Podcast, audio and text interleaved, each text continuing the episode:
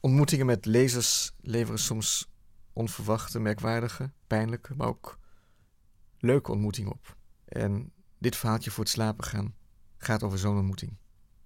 Getiteld Waar je personages als intieme vrienden zijn. Na afloop van een lezing in Frankfurt am Main, ergens in november, kwamen twee jonge mensen op me af. Dat alleen al zou het vermelde waard zijn, want de meeste mensen die naar lezingen toe gaan, zijn niet zo jong. Wat ik de laatste tijd een lichte toename zie van vereenzaamde jonge mannen, maar dat kan toeval zijn, en misschien zijn ze ook helemaal niet vereenzaamd. Misschien zei de partner gewoon: Ik ga daar niet heen, als jij daarheen wilt, ga je maar alleen. Deze twee jonge mensen wilden niet alleen een boek laten signeren, ze hadden ook nog een brief bij zich. De meeste brieven die ik krijg zijn directe of indirecte verzoeken tot hulp. Zo schreef een mij onbekende vrouw, ik schijn haar in 2005 ontmoet te hebben, maar ik kan mij van de ontmoeting helaas weinig herinneren, concreet. Kun je me helpen aan werk, of misschien beter, aan een vervolmaking van mezelf, of aan liefde, of aan meer kennis, of af en toe mailen, over weet ik veel wat. Het verzoek was eervol daar niet van, maar tussen af en toe mailen en liefde zat toch, vreesde ik, een nogal groot verschil. Probleem met liefde is, je kunt er wel mee beginnen, maar hoe hou je er weer mee op? De hulpvraag is een appel, maar gezonde of ongezonde dosis egoïsme dwingt ons die appel naast ons neer te leggen. De jonge mensen in Frankfurt vroegen mij de brief niet meteen open te maken. Eigenlijk was ik de brief alweer vergeten tot ik een paar dagen later op een avond in Hannover opeens weer aan dacht. Ik haalde de brief uit mijn tas en was aangedaan. Ik kon het niet anders zeggen.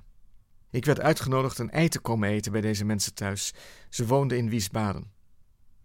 Nu had ik met mijn vriend Karel afgesproken om naar Wiesbaden te gaan als we zelfmoord zouden plegen. En de eerste keer dat ik de Frankfurter Boegmessen bezocht, logeerde ik in Wiesbaden. Wiesbaden had een speciale plek in mijn hart. En eieren eigenlijk ook wel. Daarnaast schreven ze dat een van mijn personages, Warnke, uit Het aapje dat geluk pakt, hun vriend was geworden. De brief intrigeerde me. Warnke als vriend? Toen ik tussen lezingen in Hamburg en Berlijn een paar dagen vrij had, besloot ik naar Königstein im Taunus te gaan. Ook Königstein heeft een speciaal plaatsje in mijn hart. De tweede keer dat ik de boekmessen bezocht, logeerde ik in Königstein. En als ik ooit nog aan een waarlijk geheime liefdesrelatie begin, reken ik op een rendezvous in Königstein. Het is niet ver van Königstein naar Wiesbaden. Ik had mijn komst al bij de jonge mensen aangekondigd. Ze leken zich te verheugen. Van Königstein nam ik de trein naar Frankfurt Heugst en vandaar de trein naar Wiesbaden. Ik zou op Wiesbaden Hauptbahnhof worden afgehaald door de jonge mensen, maar ik was iets te vroeg. Daarom nam ik nog even plaats in een deprimerend café genaamd Le Crobak. We namen de bus naar een huis, een prettige woning in de binnenstad van Wiesbaden. Ze hadden geluk gehad. Er is pompoensoep, zei de jongen. We namen plaats in de keuken. Onze schoenen hadden we in de gang uitgedaan. Het meisje zat aan tafel. Hij is de kok, zei ze. Of wil je toch een ei? vroeg de jongen. Nee, zei ik, pompoensoep is heerlijk. Ze hadden elkaar in Berlijn ontmoet. Zij was, zoals ze het noemde, offensief geweest. Soms moest de vrouw offensief zijn. We spraken ook nog over de beroemde club Berghain. Om de muziek te begrijpen moest je wel drugs gebruiken, zeiden ze. Tegen tienen verhuisden we naar de woonkamer.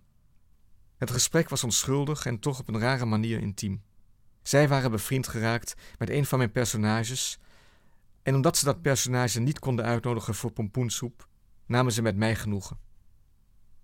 We hebben een logeerkamer, zei de jongen. Maar ik moest terug naar Königstein, ook al wist ik nu dit. Thuis ben je, waar de mensen met je personages leven, zoals met intieme vrienden.